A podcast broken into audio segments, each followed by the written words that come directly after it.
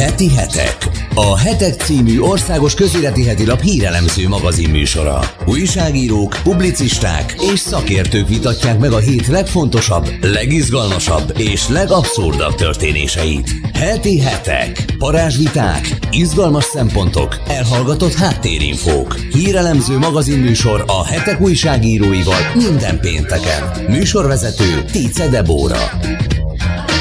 Nagy szeretettel köszöntöm a kedves hallgatókat, ez itt a heti heteknek a legújabb adása, és egy nagyon érdekes témával fogunk foglalkozni, Törökországgal, a kurdokkal, illetve a török-magyar viszonyjal, és ezzel kapcsolatosan hagy mutassam be a vendégeimet. Elsőként a vonalban itt van velünk Tarik Demirkán, a Türkinfo főszerkesztője. Jó napot kívánok! Jó napot kívánok, üdvözlöm a hallgatókat is. Itt van velem Morvai Péter is, a heteknek a rovat vezetője. Szervusz! Szervusz, köszönöm a kívást. Illetve Gavra Gábor az ATV.hu főszerkesztője is itt van velünk. Szervusztok, köszöntöm a hallgatókat. És hát megvallom őszintén, hogy így gondolkodtam, hogy hogy lehetne elindítani ezt a témát, de kicsit belehelyeztem magamat azokba a hallgatóknak a helyébe, akik esetleg még erről a témáról nem sokat hallottak, de viszont azt érzékelik, hogy a napokban, illetve most az utóbbi időben egy nagyobb feszültség van Törökország körül. Azt szeretném kérni, hogy egy picit alapozzuk meg ezt a beszélgetést, hogy mi az, ami most zajlik, mi az, ami most miatt most konfliktus van, ami miatt most esetleg a magyarországi akár politikusok, pártok nagyítóval figyelik Orbán Viktornak Erdogánnal való találkozásait, kapcsolattartását, illetve hát az egész világban, hogyha csak Trumpra gondolunk, akkor azért őt is érinti ez a dolog. Szinte mindenki Törökországgal foglalkozik most. Tarik esetleg? Igen, tőlem? Tőlem a kérdés? Igen. Igen. Jogos a kérdés, csak egy kis helyreigazítás szerintem. Tehát most jelenleg Törökország és Szíria közötti konfliktusnak a jelenlegi állapota csak egy folyamatos ügynek a újabb fejleménye. Tehát ez, ez a kérdés már évek óta ott van, különböző intenzitással, de évek óta forrongott a, a néha erősödik, néha e, lappang, e, néha e, tartalmat változtatja, e, de lényegében ott van évek óta, és én úgy gondolom e, utóbbi évek e, legfontosabb, legfontosabb kérdése, nem csak közel-keleten, hanem a, a világszinten is egy olyan kérdés, ami a következő éveket, évtizedeket formálja, mármint a világhatalmi szinten nagy országok közötti kapcsolatokat rendezi. Mi zajlik ott? Jelenleg van egy háború, ami polgárháború is, ami nemzetközi háború is. Nagyhatalmak jelen vannak, a regionális hatalmak szintén ott vannak. Világ bármelyik részéből messziről hadseregek, tanácsadók, stratégák jelen vannak. Egy országnak a feloszlása zajlott, ami tulajdonképpen iszlám állam nevezető terrorszervezet felszámolásával együtt is ment, de háttérben véleményem szerint közel-keleti hatalmi harcok állnak, amelyek egyrészt nagyhatalmak egymás közötti osztozkodását, másrészt regionális szinten kisebb országok, hatalmak a nemzetbiztonsági kérdésének a érvényesülése látszik, játszik. Mostani konfliktusnak, a, ha megpróbálunk látni, hogy jelenlegi állapotban mi van, a konfliktusnak a látszata az, hogy a török hadsereg átlépte a szíriai határt, és beavatkozott a szír területen lévő kapcsolati rendszerben, és ott saját Ankara álláspontja szerint létre szeretne hozni egy olyan ütköző zónat, amely határtól körülbelül 30 kilométernyire délre lesz a vége, tehát ezen a területen Törökország fog biztonságot garantálni, a Törökország érvrendszere szerint ez, erre azért van szükség, mert hogy a Törökországban lévő közel, most már közel 4 millió szíriai menekültet vissza szeretne terelni szírterületre, tehát ott létrehozni egy olyan területet, ahol lakótelepekkel, kisvárosokkal, stb. stb. táborokkal élhetnek a szír menekültet szír területen. Plusz Ankara szerint azért kellett, azért volt szükséges ez a intézkedés, mert hogy a, ezen a területen létrejött egy kurd autonómia, ami önmagában Ankara úgy azt mondja, hogy nem probléma, probléma az, hogy a szír kurd autonoma, autonómia hátterében PKK áll, ami Törökországban és a világ legtöbb országában a terrorista szervezetnek van minősítve, tehát ez Törökország számára a nemzetbiztonsági szinten is egy olyan tényező, amivel szembe kell nézni. A problémát az bonyolítja, hogy a, ez a terület, ahol Törökország átlépte a határát, ez egy ezer kilométeres határszakasz, tehát ezer kilométeren keresztül kellene ezt a biztonsági zónát létrehozni, ami ugye 1000 km 35 kilométer elég terjedelmes terület. A, a kurd ezzel szemben tehát a dolog dolognak a másik oldalát próbáljuk nézni.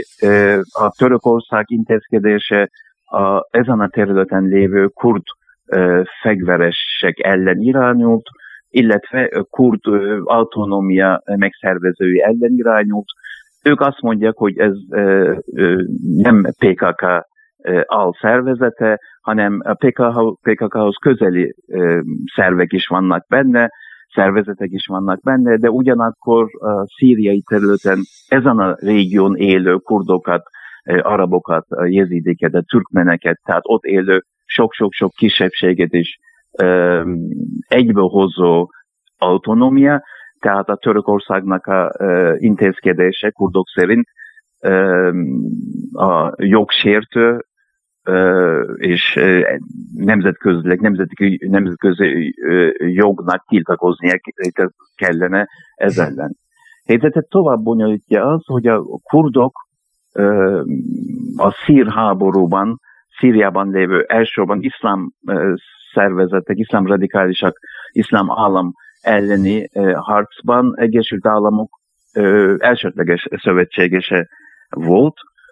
Éveken keresztül Egyesült Államok tulajdonképpen a kurd fegyveresekre támaszkodva harcolta iszlám radikálisok ellen, és sikeresen is, mert hogy ezt többszörösen is kijelentettek világszerte, kurdoknak köszönhetően, kurd szervezeteknek köszönhetően sikerült iszlám államot felszámolni. Ugyanakkor azt sem szabad elfelejteni, Egyesült Államok egyfelül kurdokkal együttműködött, és a kurdokat tekintette Szíriában első számú szövetségeseknek, szövetségesének, de ugyanakkor a Törökország volt a régióban legnagyobb szövetségese, hiszen Törökország NATO tag, egyik legnagyobb hadsereggel is rendelkező tagja, Ugyanakkor Törökországban van amerikai támaszpontok is. Tehát volt egy olyan konfliktus Egyesült Államok részéről, hogy a, a kurdokkal együttműködött, ugyanakkor kurdokat, kurd autonómiát Törökország tekintette legnagyobb nemzetbiztonsági rizikos tényezőnek, ebből adódva Törökország és Egyesült Államok között létrejött egy nagyon komoly konfliktus. Ennek a megoldása múlt héten, illetve két héttel ezelőtt úgy zajlott le, Trump, amerikai elnök egy napról másikra úgy döntötte, hogy kivonja hadseregét, amerikai katonákat a régióból, illetve Észak-Szíriából, ezzel megoldva, készhelyzet elé állítva török és a kurd erőket, és majd ebből kerekedik valami. Valamennyire igaza lett most egy tűzszünet keletkezett régióban, de ez a tűzszünet nagyon képlékeny, mint ahogy az egész szíriai helyzet is, mint ahogy mi, mi ezeket most megbeszéljük, meg el, el, elemzünk, biztos vagyok benne elemzésnek, mire végére érünk, Szíriában szintén egy új helyzet fog alakulni, tehát nagyon-nagyon sok bizonytalansággal, sok-sok-sok olyan tényezővel, amit nem lehet kiszámítani. Nagyjából jelenlegi helyzet így néz ki. Hm. Most azon gondolkodtam, hogy egyébként itt, ahogy nagyon szépen felvázolta nekünk a, a, a erőviszonyokat, de nagyjából azért egy, a, egy laikus hallgatónak az a kép jön le, hogy van egy közelkeleti konfliktus, vannak ilyen térnyerési viták, vagy hát most nagyon leegyszerűsítve ilyen ö, ö, harcok, és tulajdonképpen a közel-keleten dúlik egy ilyen harc, hogy eldöntsék, hogy melyik terület kihez tartozom, bocsánat, és hogy uh, mi kinél legyen, viszont hol kerül itt a képbe akár Európa, akár Amerika, és miért fontos az, és miért nézik mondjuk minden döntését, minden lépését rettenetesen nagy félelemmel az európai vezetők, vagy a nagyhatalmak vezetői Erdogánnak. Péter. Um, vagy bocsánat, Tarik? Hát hadd mondjam, hadd mondjam e- ebben egy mondatot, utána majd a Péter folytatja. Uh, azért, mert nagyon fontos kulcskérdések van. Az egyik az olaj, ami egész közel-keletnek a legnagyobb kincse, és egész világ azért figyel, mert ott van a hatalmas kőolaj és a földgázkészlet, ami világ kőolaj készletének a fele. Ez az egyik. A másik pedig a menekült kérdés, ami szintén Európa számára, egyik világ számára, másik Európa számára nagyon-nagyon fontos kérdés, ami megváltoztatja európai erőviszonyokat, harmadik pedig kurd kérdés, ami Törökországot nagyon közelről érinti, Iránt érinti, és a, a, a arab országokat is szintén érinti, egy olyan nemzetnek a kérdése, ami négy országban él, de viszont önálló állammal nem rendelkezik. Péter? Nagy ö, érdeklődése hallgattam Tariknak a elemzését, kiváló elemzését, most már lassan talán 15 éve követjük együtt, és, és időről időre én is őhozzá fordulok, hogy, hogy értelmezze török, a változó, Törökországnak a változó szerepét egy olyan térségben, amiről, ahogy szó is volt, nagyon gyorsak a változások. Igazából ugye az látszik, hogy ahogy a bevezetőben is elhangzott, újra felszíre került a szíriai konfliktus, most egy más megközelítésben. Ugye legutóbb Magyarország szempontjából, magyar közvélemény szempontjából ez 2015-ben volt éles kérdés a menekültválság kapcsán. Utána ugye elteltek, eltelt egy hosszabb idő, amikor közvetlenül mi nem érintkeztünk, de azért érkeztek hírek arról, hogy például a magyar kormány igyekszik humanitárius segítséget nyújtani a térségbe élő kisebbségeknek, elsőbb a keresztény kisebbségeknek, és akkor ehhez képest egy ilyen hosszú, hosszú magyar szempontból, vagy, vagy a térség szempontjából csendesebb időszak után hirtelen ugye nagyon zajossá vált a helyzet, a kép, és, és ebben nekem például egy olyan kérdésem is lenne, hogy ismerjük a magyar közelmúlt történelméből az ideglenesen Magyarországon tartózkodó csapatoknak a fogalmát. Ugye, hogy említette Tarik, itt azért egy 30-35 ezer négyzetkilométernyi területről, ütköző zónáról, biztonsági sávról van szó, hogy Magyarország területének az egyharmada, hogy mi a hosszú távú, közép-hosszú távú elképzelése Törökországnak ezzel a zónával. Ez egy terület, foglalás, lehet-e, mert erről is azért érkeznek hírek, hogy lehet azt tekinteni, hogy egy nagy Törökország felé való első lépésnek, akár inváziónak is tekinthető, vagy, vagy hát egy hosszabb távú, de nem végleges megoldás a elképzelés. Ez egy hatalmas terület, valóban én nem gondolom hosszú távon Törökország képes lenne ezt a pozícióját megőrizni. Egyelőre nincs is elfoglalva, tehát egy, a Eufrates és a Tigris közötti szakaszban vannak jelenleg török hadsereg alakulatai, ugyanakkor a török hadsereggel szövetségben működő uh, szíriai ellenzéki haderő, ez, ez egyébként egy szedett-vedett csapat, tehát a 8-10 ezer emberből áll, azt mondják, de tehát nem egy reguláris hadsereg, de török hadsereg előtt mindig ők foglalják helyet, és ők nyomulnak előre. A török, török hadseregnek a előre nyomulása tulajdonképpen ezzel a tűzszünettel le is állt, mert hogy ugye oroszokról nem beszéltünk, orosz tanácsadók és orosz katonai tanácsadókkal együttműködve szír hadsereg tulajdonképpen megjelent a tér, térségen orosz zászlókkal együtt, tehát ők elfoglaltak pár várost, és a Törökország nem szeretne nyilvánvaló Oroszországgal egy konfliktus, hiszen nagyon sok területen együttműködik oroszokkal is, tehát leállt a városok előtt. Tehát a pár kurd város, ahol kurd autonómiának a részét képeztek eddig, most szír hadsereg is jelen van, és a törökök azért leálltak a kurdokkal összeütközésbe kerülhetnek, de viszont oroszokkal nem. Tehát most egy álló helyzet van egyrészt. Másrészt pedig picit délre, ahol olajvárosok vannak, amerikai katonák ott vannak, tehát amerikai katonákat, vízkatonákat visszavontak, de viszont olajkutok körül, ahol a szír um, a olajforrások vannak, ott azért tartják az ellenőrzést amerikaiak, és nem akarnak onnan kimenni nyilvánvalóan, mint ahogy bevezetőben mondtunk, tulajdonképpen egyik kulcskérdés az olaj, tehát ott is ők is jelen lesznek.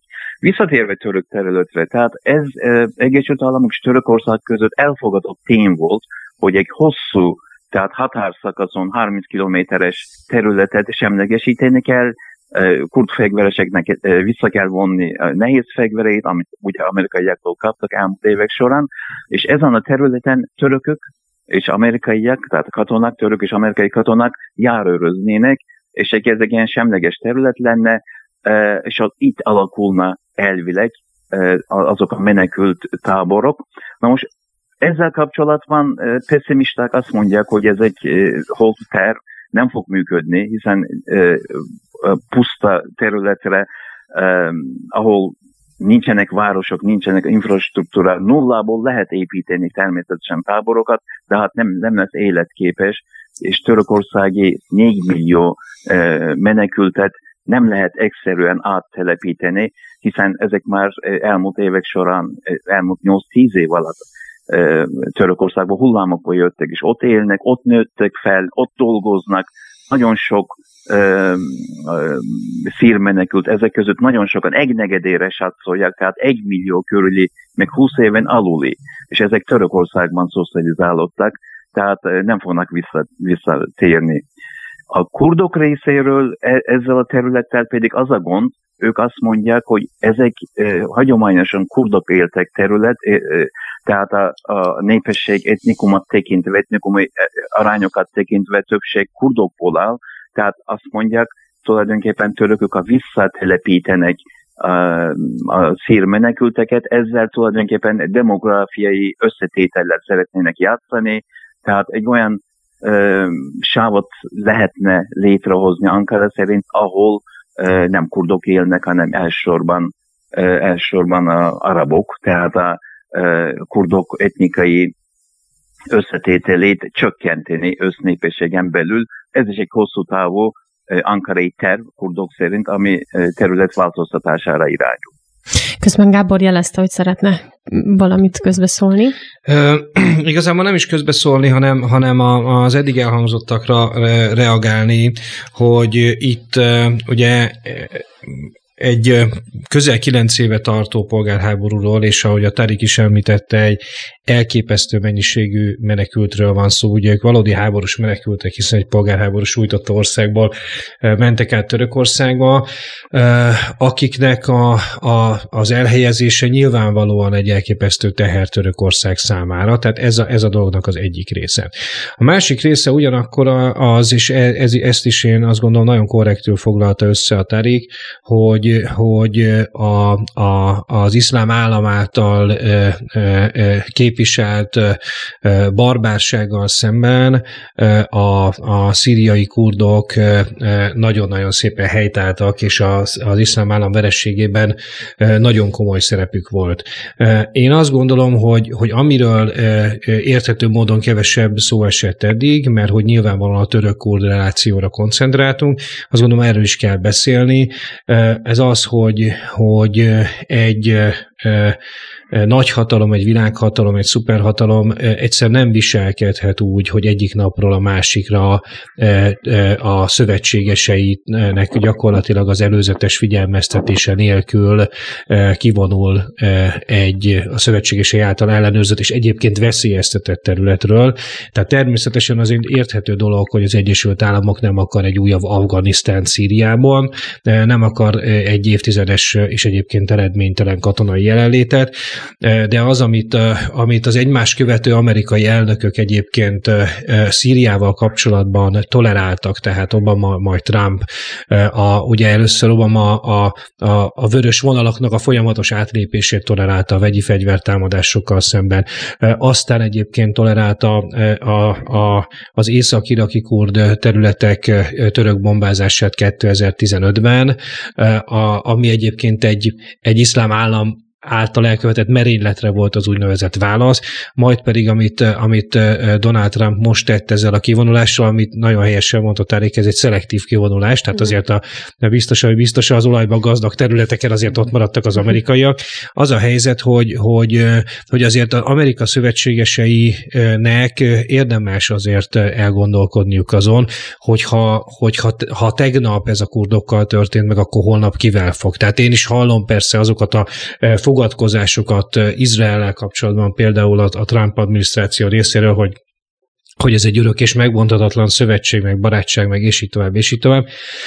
De, de, de, de, hát, de, hát, de hát ilyennek mm. tűnt ez a kurdokkal is. Tehát én azt gondolom, hogy egy, egy, egy világhatalom az nem, az nem viselkedhet megbízhatatlanként. Tehát, és, fő, és főleg nem egyik napról a másikra nem, nem, nem hagyhatott csapott papot. És az a helyzet, hogy én, én, én nekem nagyon sok, hogy mondjam, nagyon sok fenntartásom van a, a, a Oroszországnak a különböző vele szomszédos országokkal kapcsolatos politikájával, de most ebben a helyzetben, ahogy egyébként a Tarik is ezt nagyon jól elmondta, Oroszország viselkedik úgy Szíriában, mint egy nagyhatalom. Tehát próbálja azt a hatalmi vákumot, amit az amerikaiak távozása jelent, kitölteni, és egyébként ezzel mondjuk csillapító hatással van a török-kurd konfliktusra is.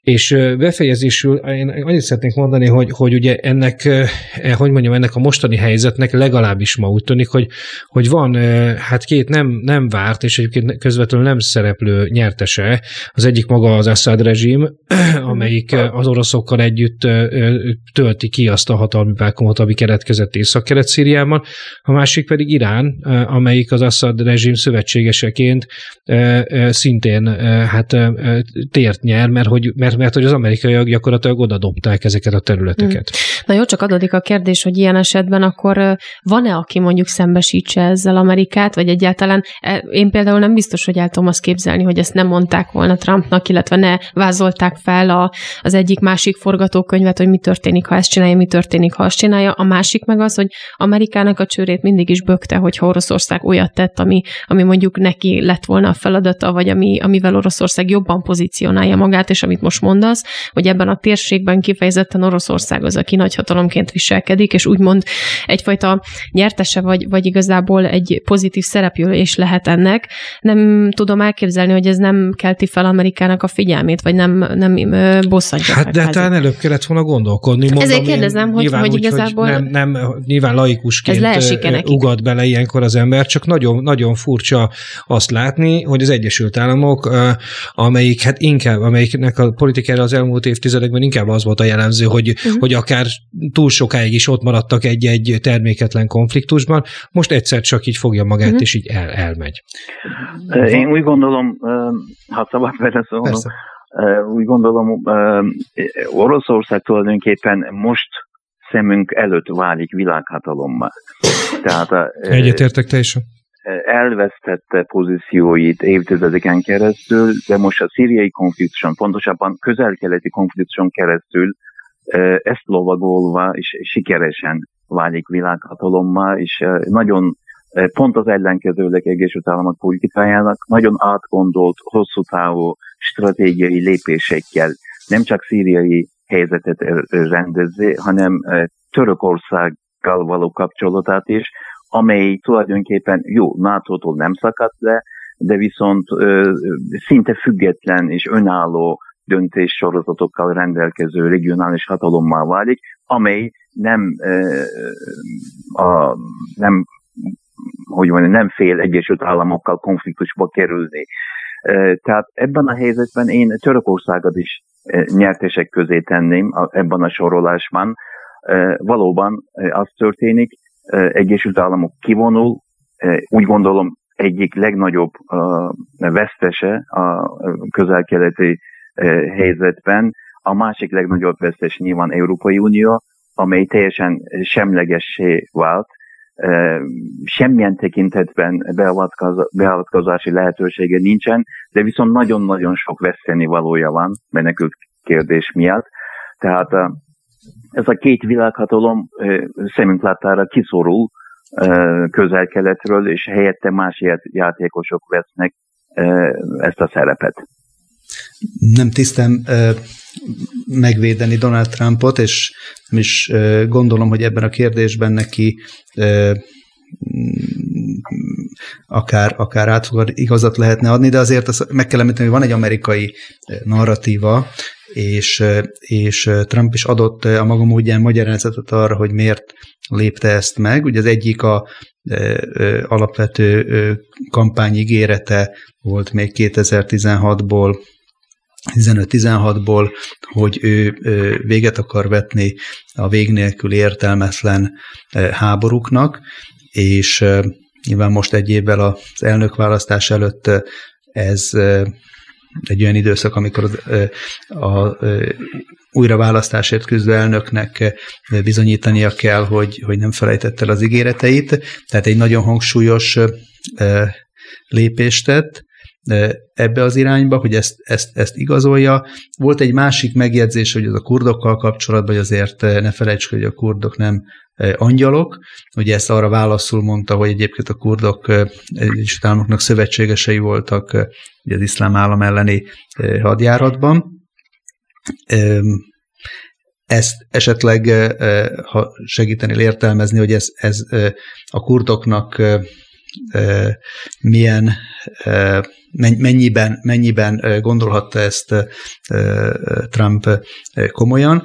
A harmadik szempont Amerika szempont, az amerikai elnök szempontjából az, hogy ez a kaotikusnak történő lépés, bejelentés, hogy egybeesett a vele szembe megindított impeachment vádemelési eljárásnak a kezdetével, még nem a formális kezdetével, de annak az előkészületével, mm. és Trump ezt korábban is alkalmazta, hogy amikor amikor vele kapcsolatban történik egy, egy offenzíva, akár a Müller jelentés kapcsán, akkor, akkor szeret aktívan lépni, hogy egy másfajta témát vessen föl, itt is azért azt gondolom, hogy van, van vagy lehet ennek is összefüggése. Ez nem ad összességében egy, egy teljesen elfogadható narratívát, inkább azt mutatja, hogy hogy Trumpnak azért most egyre inkább 2020 van a szem előtt az újraválasztási kampány. Igen, ez, ez, ez valóban igaz. Én úgy látom, hogy a, a Egyesült Államokban közel-keletre vonatkozó, illetve egész világ szerte hosszú távú stratégiai érdekek kicsit különállnak. Tehát egyfelől ott a Pentagon, a külügyminisztérium, Egyesült Államok állami rendben, ott háttérben zajló stratégi, stratégiájának a alkotásai, másfelől pedig Trumpnak a rövid távú, egy, Egyesült Államok elnökenek rövid távú érdekei és rövid távú céljai, ami nem mindig összeegyeztethető, ami szemünk láttára zajlik amerikai belpolitikában és külpolitikában is. Tehát ez nyilvánvalóan tükröződik közel-keleten is. De nem szabad elfelejteni, nem szabad elfelejteni, hogy Egyesült Államoknak a, az a helyzete, az a helye, ami jelenleg szorult közel-keleten, egy hibás döntésen alapszik, ami egész közel-keleti háborút kirobbantotta annak idején, akár Saddam elleni harcot értem, az az öböl háborút, Kuwait háborút, más, más ez pedig a szíriai beavatkozás. Tehát mind a kettőben voltak olyan háttérben olyan döntések, amelyek egyrészt hibásnak bizonyultak, másrészt pedig nem igaznak bizonyultak. Ne felejtsünk el, Saddam elleni háború azzal kezdődött, hogy tömegpusztító fegyverek vannak Irakban, viszont nincsenek. Most már ezt mindenki tudja. Tehát Amerikai Egyesült Államok tulajdonképpen saját magát cselezte olyan kilátástalan helyzetben, helyzetben jelenleg közel-keleten, ahol nem tud, ahonnan nem tud kilépni. Ugyanakkor az ő kivonulásával együtt válik én szerintem egyes, egyes államok szemben Oroszország világhatalomma, és kihasználva mellette mondjuk Törökországnak a ambícióit, Iránnak a ambícióit. Ha van időnk, akkor egy pillanatra én visszatérnék Törökországra, a mhm. Törökország kurd viszonyra. Nem tudom, van Igen, egy, egy, még, még azért van, úgyhogy nyugodtan. Jó. Tehát én úgy gondoltam, azt mondtam előbb, hogy Törökország egyik nyertese lehet jelenlegi helyzetnek. Ezt, ezt, ezt fenntartással kell kezelni, mert ahogy a, a, tör, a török határokon kívül, tehát Szíriában elfoglalni ezt a helyzetet, és Egyesült Államokkal szemben pozíciókat nyerni, és Oroszországgal szemben mélyíteni nato kívüli együttműködést, ezek mind pozitívumok török regionális hatalmi ambíciókkal együtt elemezve, de ugyanakkor van egy nagyon-nagyon komoly hátulütője a dolognak, az pedig az, hogy a Törökország Ankara lerendezheti szíriai kurdokat, és ott létrehozhat egy biztonsági zónát, ez egy katonai kérdés, meg tudja csinálni, de viszont ez nem változtat Törökországon belüli kurdokkal való konfliktusát. Tehát a Törökországban nagyon jelentős kurd kisebbség él, amely egész délkeleten, helyi szinten, önkormányzati szinten jelen van, és amelynek a támogatásával be, török parlamentbe juttattak 10%-os küszöböt átugorva a Népek Demokratikus Pártját, amely kurd erőkre támaszkodik, és nem csak kurdok támogatták, más nagyvárosok török népességének bizonyos része is támogatta ezt a pártot. Tehát van egy nagyon öntudatos kurd népesség Törökországban, amelynek a, a követelményeit, kéréseit vagy hangulatát Ankara nem veszi figyelembe. Tehát a, a saját kurd népességével, saját kurd állampolgáraival kellene rendezni Ankarának a viszonyát, megnyugtatóan és hosszú távon, akkor lehet sikeres a szíriai lépés is, hogyha bent stabilitás van. De most nem úgy tűnik, hogy ez, ez egyik fontos szempont lenne Ankara szempontjából, mert hogy nem olyan régen voltak Törökországban önkormányzati választások, azóta, tehát pár hónap alatt 12 városban leváltottak kurd párt által nyert választásokat, tehát önkormányzati választásokat, polgármestereket leváltottak, belügyminisztériumi rendelettel, és helyükre állami alkalmazottakat jelöltek ki. Tehát ezeknek lesznek következményei. Nyilvánvalóan ez nem segíti elő Ankara és a kurd népesség viszonyának a javítását. Uh-huh. Én most, most már azért kevesebb idő van a vége felé, de óhatatlanul is szeretnék behozni egy, egy másik aspektust ebbe a törökországi kérdésbe, mégpedig Magyarország és Törökország viszonyát, hogy még azért erről is beszéljünk pár szót. Ugye hát itt az utóbbi napokban, hetekben nagyon sok kritika érte Orbán Viktornak a politikáját, illetve ezt a diplomáciai kapcsolatnak az erősítését Erdogánnal, illetve hát pro is volt, tehát hogy nagyon sokan értették és támogatták azt, amit a miniszterelnök csinál. Az én kérdésem, költői kérdésem, hogy szerintetek mi a lényege ennek az egész diplomáciai kapcsolatnak az erősítésének, egyáltalán jó ez, vagy rossz? Tehát, hogy, hogy, hogy akkor hogyan értelmezze egy hétköznapi ember az, ami történik Magyarország és Törökország között? Terik? Hát nem meg belpolitikai elemző vagyok, de ebben a kérdésben véleményem az, hogy a a Törökország és Magyarország kapcsolata valóban nagyon sok rétű. nem jellemezhető rövid távú belpol, illetve külpolitikai közelkeleti fejleményekkel, akár török szír háborúval, akár menekült kérdéssel, annál sokkal mélyebb és tartalmasabb. Magyarország számára Törökországnak a jelentősége nem csak közelkeleti pozíciói miatt fontos, hanem közép-ázsiai kapcsolatai miatt is. Tehát a, a, úgy gondolom a, a, a, a türk tanácsnak nevezett ez, ez az együttes szövetség, mint a Visegrádi országoknak a együttműködése tulajdonképpen Közép-Ázsiában, a Magyarország számára valóban új perspektívákat és új, új lehetőségeket nyithat. Tehát a Magyarország és Törökország viszonyát nem lehet kiméríteni szerintem a közel-keleti kapcsolatok és konfliktusok mentén, hanem sokkal mélyebb elemzés kell, és talán egy külön, külön műsornak a tematikája lehet. Péter. Úgy magyar részről elhangzott hát tegnap épp a parlamentben a miniszterelnök részéről indoklás, hogy hát itt két Magyarország kívüli hatalomnak a döntéséről van szó, egyrészt az egyes támoknak a csapat visszavonása, illetve a török bevonulás, hogy ebben Magyarország nem tud állásfoglalni, és tisztje állásfoglalni.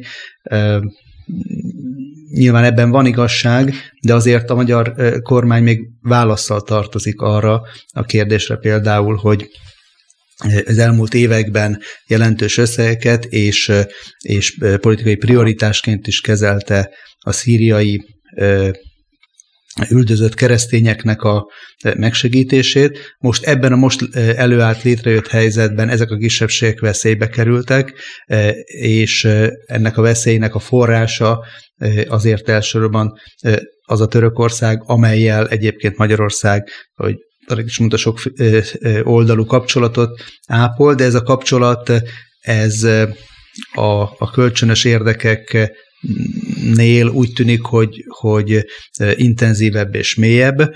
Erre, erre nem, én azt gondolom, hogy nem, nem kaptunk még választ a ö, ö, magyar kormány részéről, hogy ebben, ezekben az ellentmondásokat hogyan lehet föloldani, ha egyáltalán föl lehet oldani.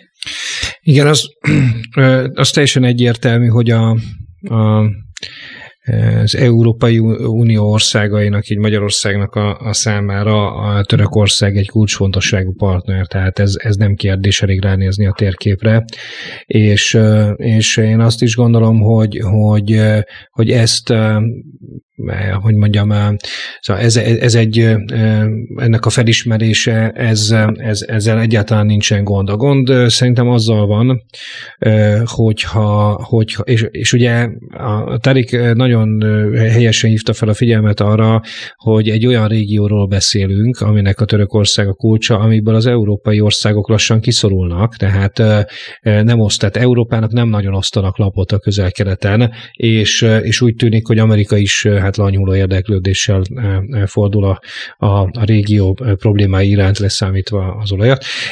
És az a helyzet, hogy, hogy ennek, a, ennek a felismerése, hogy, hogy ez, Törökország egy stratégiai partner, ez, ennek, ez, ez, ez helyes. A probléma az ott van, szerintem, szerintem is, hogyha, hogyha Magyarország egy, az Erdogán kormányzatra egyfajta, hát hogy mondjam, nem, nem csak stratégiai partnerként, hanem egyfajta szövetségesként tekint. Mert persze NATO-ban elvileg szövetségesek vagyunk, de hát ugye erről beszéltünk egészen idáig, hogy nagyon bonyolult az a helyzet, amikor a, a, a szövetségesünk lövi a szövetségesünket, miközben miközben a, a, a megsemmisített, vagy megsemmisülés szélén álló ellenségünk pedig fellélegzik. Ugye a, a, a, ez, egy, ez egy, ez egy, ez egy szörny, szörnyen bonyolult helyzet, és az a, az igazság, hogy, hogy én azért megértem azokat a magyarokat, meg azokat a, a nyugat-európaiakat, és azokat az amerikaiakat is, akár republikánus, akár demokrata oldalról, akik hát elhűlve nézik a, a, a kurdok magára hagyják meghagyását uh-huh. nyugati részről. Én, én ebben az ügyben empatikus vagyok, akár balról, akár jobbról jönnek a, a, a, ez, ügyben a, ez ügyben a kritikák, és, és, és azt gondolom, hogy, hogy nyilván nem kell Magyarországnak szereptévesztésbe esni, és nem kell azt gondolnia, hogy ő oldja meg a közel-kelet problémáit, de, de azt, azt hiszem, hogy egy, egy picivel több empátia a, a, szövetség, a szövetsége, kurd szövetségeseink iránt, akik a nyugatot is védelmezték mondjuk Kobaninál, az, az elfért volna. Jó, hát az időnk az pont itt lejárt, úgyhogy nagyon kicentisztük, és nagyon köszönöm szépen a közreműködéseteket. Egy igazán részletes betekintést nyerhetünk egyrészt a közel-keleti konfliktusba, és másrészt ezeknek a nagyhatalmaknak a viszonyába, úgyhogy ajánlom mindenkinek a figyelmébe előszeretettel a mostani heteket, amelyben nagyon részletesen van szó ezekről a kérdésekről. Köszönöm szépen Tarik Demirkának, a Türkinfo főszerkesztőjének a, a beszélgetést, és hogy itt volt ma velünk. Nagyon szépen köszönöm Morvai Péternek is a hetek rovatvezetőjének, illetve Gavro Gábornak az ATV.hu főszerkesztőjének. Köszönöm, hogy itt voltatok, és mindenkinek további kellemes estét kívánok. Köszönjük a lehetőséget. Köszönöm. Köszönöm. Köszönöm. Ez volt a heti hetek.